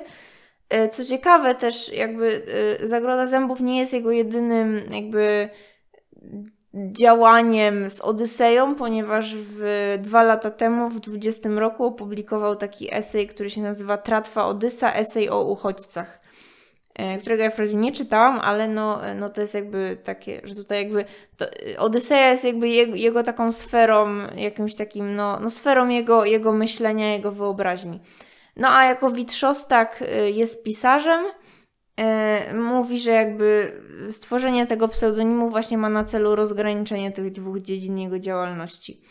E, I Zagroda Zębów swój tytuł czerpie z tego, co, co być może, ja nie wiem, czy my o tym wspominałyśmy mówiąc o Odysei, ale w każdym razie e, w Odysei... nie wspominałyśmy. Nie, w Odysei, zwłaszcza w tym nowszym tłumaczeniu, ale no myślę, że to musiało się pojawiać też już wcześniej, ponieważ Zagroda Zębów to jest książka z 2017 roku, w Odysei często, kiedy podmiot chce powiedzieć, że ktoś coś mówi, to jakieś słowo wychodzi z jego zagrody zębów. Ale to właśnie ciekawe, bo u ciebie w tłumaczeniu Chodkowskiego tak, tak to, to było, na, natomiast u mnie nie było. No nie, nie Witlin, Witlin mhm. tego jakoś nie zauważa, no ale też być może Witrzostak na przykład sięga do, do oryginału i jakoś tą zagrodę zębów odgrzebuje. No nie wiem, ale w każdym razie y, coś jakby może wyjść z zagrody zębów, albo może zostać y, w zagrodzie zębów, czyli być nieujawnione po prostu. I na tym, na tym właśnie takim jakby założeniu gra Trzostak. Y, I jakby y, cała ta książka ma taką formę, że mamy tam dziewięć rozdziałów, które no w jakiś sposób odpowiadają fragmentom Odysei, tylko że te dziewięć rozdziałów dzielą się jakby na takie, można powiedzieć, podrozdziały oznaczone kolejnymi literami alfabetu, które są jakby wersjami tego samego rozdziału, napisanego w nieco inny sposób. I to w ogóle sprawia takie wrażenie, bo y, tak samo na przykład literami oznacza się y, wersje y, dawnych tekstów, które się na przykład różnią między sobą. Jak na przykład, nie wiem, badacze mają y, trzy wersje jakiegoś, nie wiem, choć, no jakiegoś starożytnego czy staropolskiego, no nieważne tekstu, to właśnie oznacza się je literami. I tak samo tutaj Witrzos tak się posługuje takimi oznaczeniami. Y,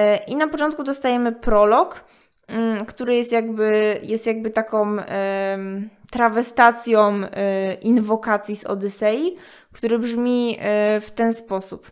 Nie śpiewaj Odysa, Odys wyśpiewany, mąż, co zburzył waleczny gród Troi, błądził i tak dalej. Wszystko powiedziane. Są natomiast inne możliwości. E, I tutaj jakby ten prolog daje trochę mylne, e, mylne wrażenie, o czym ta książka będzie, ponieważ no jakby Odys wyśpiewany, ale to będzie nadal powieść właściwie o Odysie, no o Telemachu, o Penelopie.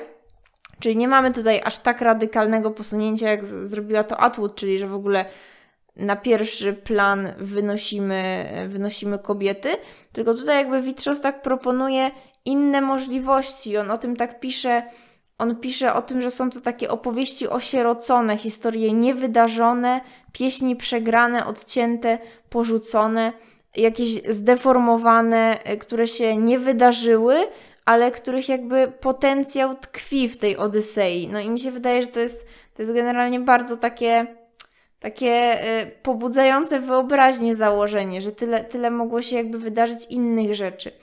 Mm. On nazy nazywa to wręcz takimi jakby śmieciami tego mitu. I, i jakby, jakby w tym się lubuje. A, a dalej jeszcze w, osta w ostatniej części tego, tego prologu dostajemy taki fragment, gdzie tutaj podmiot mówi Odysa wymilcz na głos, nie ma słów skrzydlatych. Ślady zbiegłych bogów na końcu języka, martwe smaki dzieciństwa pochowane w mowie. Odys zaszyty w pieśniach i mowach śmieciowych. Grzebanie w śmieciach Herosa, nicowanie całunów, prucie, odszywanie, strzępienie języka o zagrodę zębów. No to w ogóle dostała... Dosta... ta zagroda zębów to jest takie w ogóle sformułowanie, takie jakaś, jakaś groza z no tego to, wieje, no to jest, no właśnie o to chodzi, że tak jakby dlaczego, dlaczego ta zagroda zębów, tak jakby z niej trudno było się wydostać, albo że jeśli już coś wyszło z tej zagrody zębów, to jest takie... No też tutaj dostajecie próbkę je, takiego właśnie języka szostaka, bo ja bym powiedziała, że wręcz to są takie małe no, prozy poetyckie, jakkolwiek to jest takie nieprecyzyjne, no ale coś, coś takiego. Mm, I generalnie, no, no jakby tutaj mamy po prostu alternatywne takie jakby możliwości, czyli na przykład e, jak reaguje Telemach na tego, no, na to, co, co jakby Szostak nazywa sowiookim gościem, no czyli e, no dla nas to jest ta Atena, która przyszła, że Telemach na przykład mm, nie, nie, nie, nie posłuchał jej, że zdecydował się nie jechać na żaden do Pylos. Czy, y, no właśnie, że na przykład y, sowie oki gość przyjechał, ale go nie wpuszczono, miał zbyt sowie oczy. I czasem to się zamyka w takich naprawdę krótkich formułach, y, ale, ale no, no jest, to, jest to naprawdę. Znaczy, no jakby właśnie to, to bazuje na takim dość prostym, prostym i efektownym założeniu, że, że mogło tyle rzeczy innych się zdarzyć, ale są tu też takie takie rzeczy, na przykład jak to, że Odys w ogóle nie wyruszył spod Troi, tylko został z Trojanami i pomógł im odbudować, odbudować Troje. Albo, że, że Odys wrócił do Troi, ale Penelopa go zamordowała z jakichś przyczyn, bo na przykład nie czuł, jakby tam jest tak powiedziane, że ona jakby sama nie wiedziała dlaczego. Albo, że Odys y, powrócił, ale okazało się, że tak jakby jest znany jako ten Odys z pieśni, a on tak naprawdę czuł się zupełnie kimś innym. A to jest ciekawe Takie, akurat No w, w ogóle jakby dużo, dużo takiego autotematyzmu, czyli też jakby jak sam Odys na przykład kreował się w pieśniach, albo jak różniło się takie samo odczuwanie Odysa od tego, jak na przykład mm, a chcieli o nim śpiewać. Jest nawet taki fragment, że on siedzi z Penelopą w, w sypialni, a a, o, a Ojdowie już czekali pod drzwiami, czyli jakby już chcieli zawłaszczyć go, żeby, hmm. żeby jakby o nim opowiedzieć. Że to jest bardziej taki Odyseusz jako taki mit. Tak, no do, dokładnie o to chodzi. No właśnie, no to wydaje mi się bardzo takie cenne właśnie taki też, też autotematyzm, czy właśnie taki, taki namysł nad tym, jak, jak, jak mógłby Odys jakby czuć się sam jako bohater mitu. Mm no tu, tu jakby właśnie też, też, też Penelopa, też w ogóle na przykład taki motyw, że, że Odys rzeczywiście wymyślił ten, wymyślił ten, te, ten cały swój cykl przygód, który znamy z opowieści Feaków, a tak naprawdę siedział, y, spędził ten czas na bezludnej wyspie, gdzie, gdzie rzeźbił z kości y, kozła haczyki, których używał do łowienia ryb. I jest tam cała taka seria właśnie takich miniaturek o tym, jak Penelopa e, znajduje te haczyki, które Odys ma jakby schowane w swojej szacie e, i, jakby ona w różny sposób na to reaguje. Też chodzi o to, że jakby te, te wersje się tak e, dość subtelnie od siebie różnią. To znaczy, często one się różnią tylko, tylko jakby niewielkimi, niewielkimi fragmentami, ale tak jakby też wprowadzają tako, takie zniuansowanie do tej postaci. No i też właśnie to wszystko, nad czym, nad czym można się ewentualnie y, zastanawiać. No, że, że na przykład, że, że Odysa nikt nie poznał, albo że właśnie wszyscy go poznali, że Telemach na przykład odnalazł Odysa gdzieś, ale y, nie chciał tak, że jakby spodziewał się czegoś innego, więc ostatecznie uciekł i go porzucił. Mm, no tutaj jakby, y, jakby jest, to, jest to taka dość, dość jakby efekto, właśnie taki efektowny popis, y, popis tego, mm, tego, tego wymyślania. No i jeszcze przeczytam Wam ostatni jakby, jakby fragment, znaczy jeden z ostatnich fragmentów, 8F, e, który opowiada o śmierci Odysa i to jest powiedziane, umiera Odys, wokół krążą poeci, ślepcy czują śmierć, śmierdzi, dobrze czują, strasznie pięknie umiera, odpędza stada aoidów, nadkłamują go po kawałku, zanim ostygnie, wątroba nie odrasta, śmierdzi. Więc jakby tutaj też jest podjęty cały taki ten motyw yy, właśnie tego jakby koniecznego zakłamania, które generuje yy, opowiadanie o kimś. No ale wydaje mi się, że właśnie takie to jakby taki potencjał mitu w tym znaczeniu, że yy, mit jest na tyle jakby taką samorodną i skomplikowaną strukturą, że w micie mogło się zdarzyć e, coś zupełnie innego niż my wierzymy, że się zdarzyło na przykład.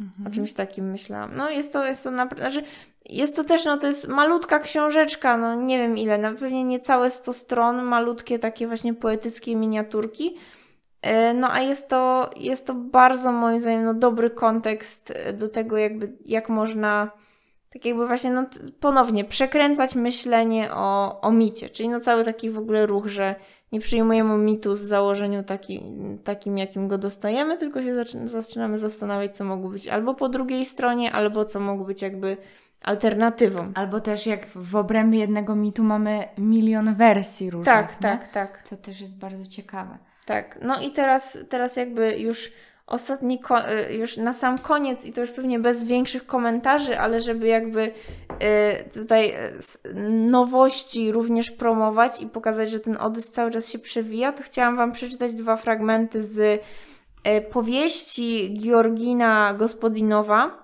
Schron przeciwczasowy to jest powieść, która wyszła w Polsce właściwie dopiero w tym roku, więc jest to naprawdę nówka sztuka. E, no jest to taki, już nie będę mówić co to jest zapowiedź, ale w każdym razie ona bierze sobie na warsztat no przede wszystkim zagadnienie czasu, przeszłości, pamięci, ale też starości, no czyli też takie można powiedzieć leitmoty, leitmotywy no, gospodinowa, czyli no, bułgarskiego pisarza. I y, w tym takim dziwnym e, esejowatym fragmencie tej powieści dwukrotnie pojawia się Odyseusz. E, no i tak, i podmiot mówi tutaj coś takiego. W każdym starożytnym eposie pojawia się silny wróg, z którym walczysz. Gilgamesz i byk niebiański, po, potwór Grendel, jego matka, wreszcie smok, e, cyklop w Odysei i tak dalej. Z dzisiejszych powieści te potwory zniknęły, odeszli także herosi. Jeśli nie ma potworów, to nie ma też bohaterów. Potwór jednak istnieje. Istnieje pewien potwór, który czai się na każdego. Śmierć, powiecie? Tak, tak, śmierć to jego siostra. Lecz potworem jest starość. To, to prawdziwa i przegrana walka, bez blasku, bez fajerwerków, bez mieczy, z zatopionym zębem świętego Piotra, bez czarodziejskiej broni i nieoczekiwanych pomocników. Epicka walka bez eposu. I drugi fragment, już jeszcze bli, jakby właściwie wprost o Odysei narrator mówi: Coraz częściej wracam do Odysei. Zawsze czytaliśmy ją jako książkę przygodową. Z czasem rozumiem, e, że jest to książka o poszukiwaniu ojca i rzecz jasna książka o powrocie do przeszłości. I taka to przeszłość. Penelopa to przeszłość i dom, który opuściłeś, to przeszłość. Wiatrem, który dmie w żagle Odyseusza jest nostalgia. Przeszłość nijak nie jest abstrakcyjna, zrobiona jest z bardzo konkretnych małych rzeczy. Gdy po siedmiu latach szczęśliwego życia z nimfą Kalipso ona proponuje mu nieśmiertelność, jeśli z nią zostanie na zawsze, Odyseusz mimo wszystko odmawia. Zastanawiałem się, co ja bym zrobił. No dalej, niech każdy z nas będzie szczery i powie, co by zrobił z taką propozycją życia. Na jednej szali masz nieśmiertelność, wiecznie młodą kobietę, wszystkie radości świata, a na drugiej powrót tam, gdzie nie wiadomo, czy ciebie pamiętają, nadchodzącą starość, otoczony przez rozbójników dom i starzejącą się żonę. Którą szalę wybierasz? Odyseusz wybiera tę drugą z powodu Penelopy i Telemacha, tak, ale też z powodu czegoś drobnego, co nazywa dymem z komina, z powodu wspomnienia o dymie, który unosi z komina domu rodzinnego. Chcę ten dom jeszcze raz zobaczyć. I tak dalej.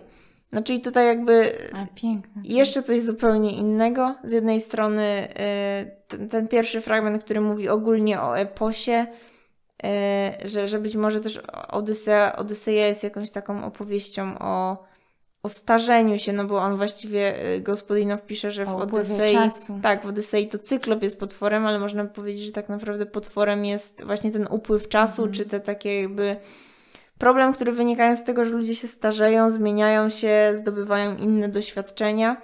No a drugi właśnie, właśnie, e, właśnie motyw, że Odyseja jest tak naprawdę powrotem do przeszłości, że tak naprawdę Odys szuka tego, co kiedyś znał, no bo przecież 20 lat zostawił, 20 lat temu zostawił ten dom, a teraz chce wrócić tam i odna- sprawdzić, czy jakby to będzie nadal dla niego to samo. Czyli to jest to, co pojawia się w tych wszystkich filmach. Tak, jakby o tak. nostalgii, że Tak, jakby, dokładnie. że ty no właśnie, to może... powrócisz, to czy to się okazuje jakby tym Tak. właśnie, jakim było, czy nie. Tak. Dlatego na przykład Tarkowski w Zwierciadle jakby powraca, to jest taki bardzo też autobiograficzny film i taki bliski niemu, powraca jakby do tego, co utracił, do tej swojej takiej małej ojczyzny idylli właśnie Mhm. No w właśnie. Mhm. filmie, nie? I próbuje rekonstruować różne rzeczy, czy No. relacje z bliskim. No, no właśnie ja też tak, już ostatni pewnie motyw, że tak sobie też pomyślałam w tym kontekście o Herbercie, no skoro już tutaj się pojawił, to, to, to jako taki fakt biograficzny, że takim można powiedzieć, nie wiem, no i taką Herberta e, był Lwów, e, a Herbert się nigdy do tego Lwowa nie zdecydował po wojnie wrócić, on jakby nie chciał dokonać tej konfrontacji, której dokonuje Odyseusz, bo właśnie Herbert się bał, że E, no ten tam dym z komina i to wszystko, co wymienia gospodinow, że to już jakby nie będzie to, no bo, no bo nie byłoby to, no bo to już jakby byłby inny Lwów, wiedząc jak jakby zmieniły się takie układy no, narodowościowe i w ogóle takie tożsamościowe Lwowa. Więc jakby He- Herbert jakby tej pod, jakby nostalgicznego powrotu Odysa nie podjął się, w przeciwieństwie do. Targowskiego I na to przykład. też, jest, y, to też jest ciekawe. Znaczy, no tutaj jest właśnie taki w twórczości, nie? Mhm. Ale bardziej chodzi mi o to, że to jest ciekawe, że jakby, no to zawsze czyha na ciebie to, to, to taka negatywna strona tego, że ty jak wrócisz, to może się nie okazać Tak, tym, co ty tak. zapamiętałeś i że sobie zburzysz to, to, co już w sobie nosisz, Tak, nie? tak. Natomiast jeszcze jak ty powiedziałaś o tym Herbercie, no to już wrzucę jakby z tego filmu, e, o którym opowiadałam, że tam jest dosłownie taka scena, e, starsza kobieta prosi ich o podwózkę, bo mówi, że 47 lat nie widziała się z mężem i mają się spotkać tam w jakimś tam mieście, w którym nie była przez 47 lat. Mhm. E, no tam ze względu na wojnę i tak dalej. I kiedy oni ją wysadzają, to ona mówi, to ona jakby nie wysiada, oni mówią, że to tutaj, ona mówi, ale jak to? I po prostu ta scena jest potem nie ma, kiedy ona wychodzi i patrzy i ona nie poznaje zupełnie tego miasta. I to jest Mm. Naprawdę tak przejmujące, jakby tam oddane w tym filmie. Także to też jest to jakby wyjęte Mhm. dosłownie Tak, z życia, tak, czy tak, tak, jak no. mówisz o Herbercie, że jakby tutaj dochodzi nam rzeczywiście też ta rzeczywistość powojenna. nie? Mhm. No dobra, ale No dobrze, no to już naprawdę chyba musimy kończyć. Tak, E, także no, no. w tych nostalgicznych nastrojach Was pozostawiamy. Mam nadzieję, że każdy wybierze coś dla siebie z tego Tak, gąszczu po tak. prostu. Także no. Albo może dorzucić coś jeszcze innego. No, także, E, no, także dzięki, że- Czytajcie, Czytajcie, drodzy oglądajcie. i drogie. E, I dzięki, że dotrwaliście do końca. Tak. E, I do usłyszenia w kolejnym odcinku, Który co... będzie niespodzianką. Tak. Dobra, to cześć. No, cześć. I will tell you about the lemon tree in your garden. The corner window that lets in the moonlight. And then signs of the body. Signs of love. And as we climb trembling to our old room, between one embrace and the next, between lovers' calls, I will tell you about the journey all the night long and in all the nights to come, between one embrace and the next, between lovers' calls. the whole human adventure. The story that never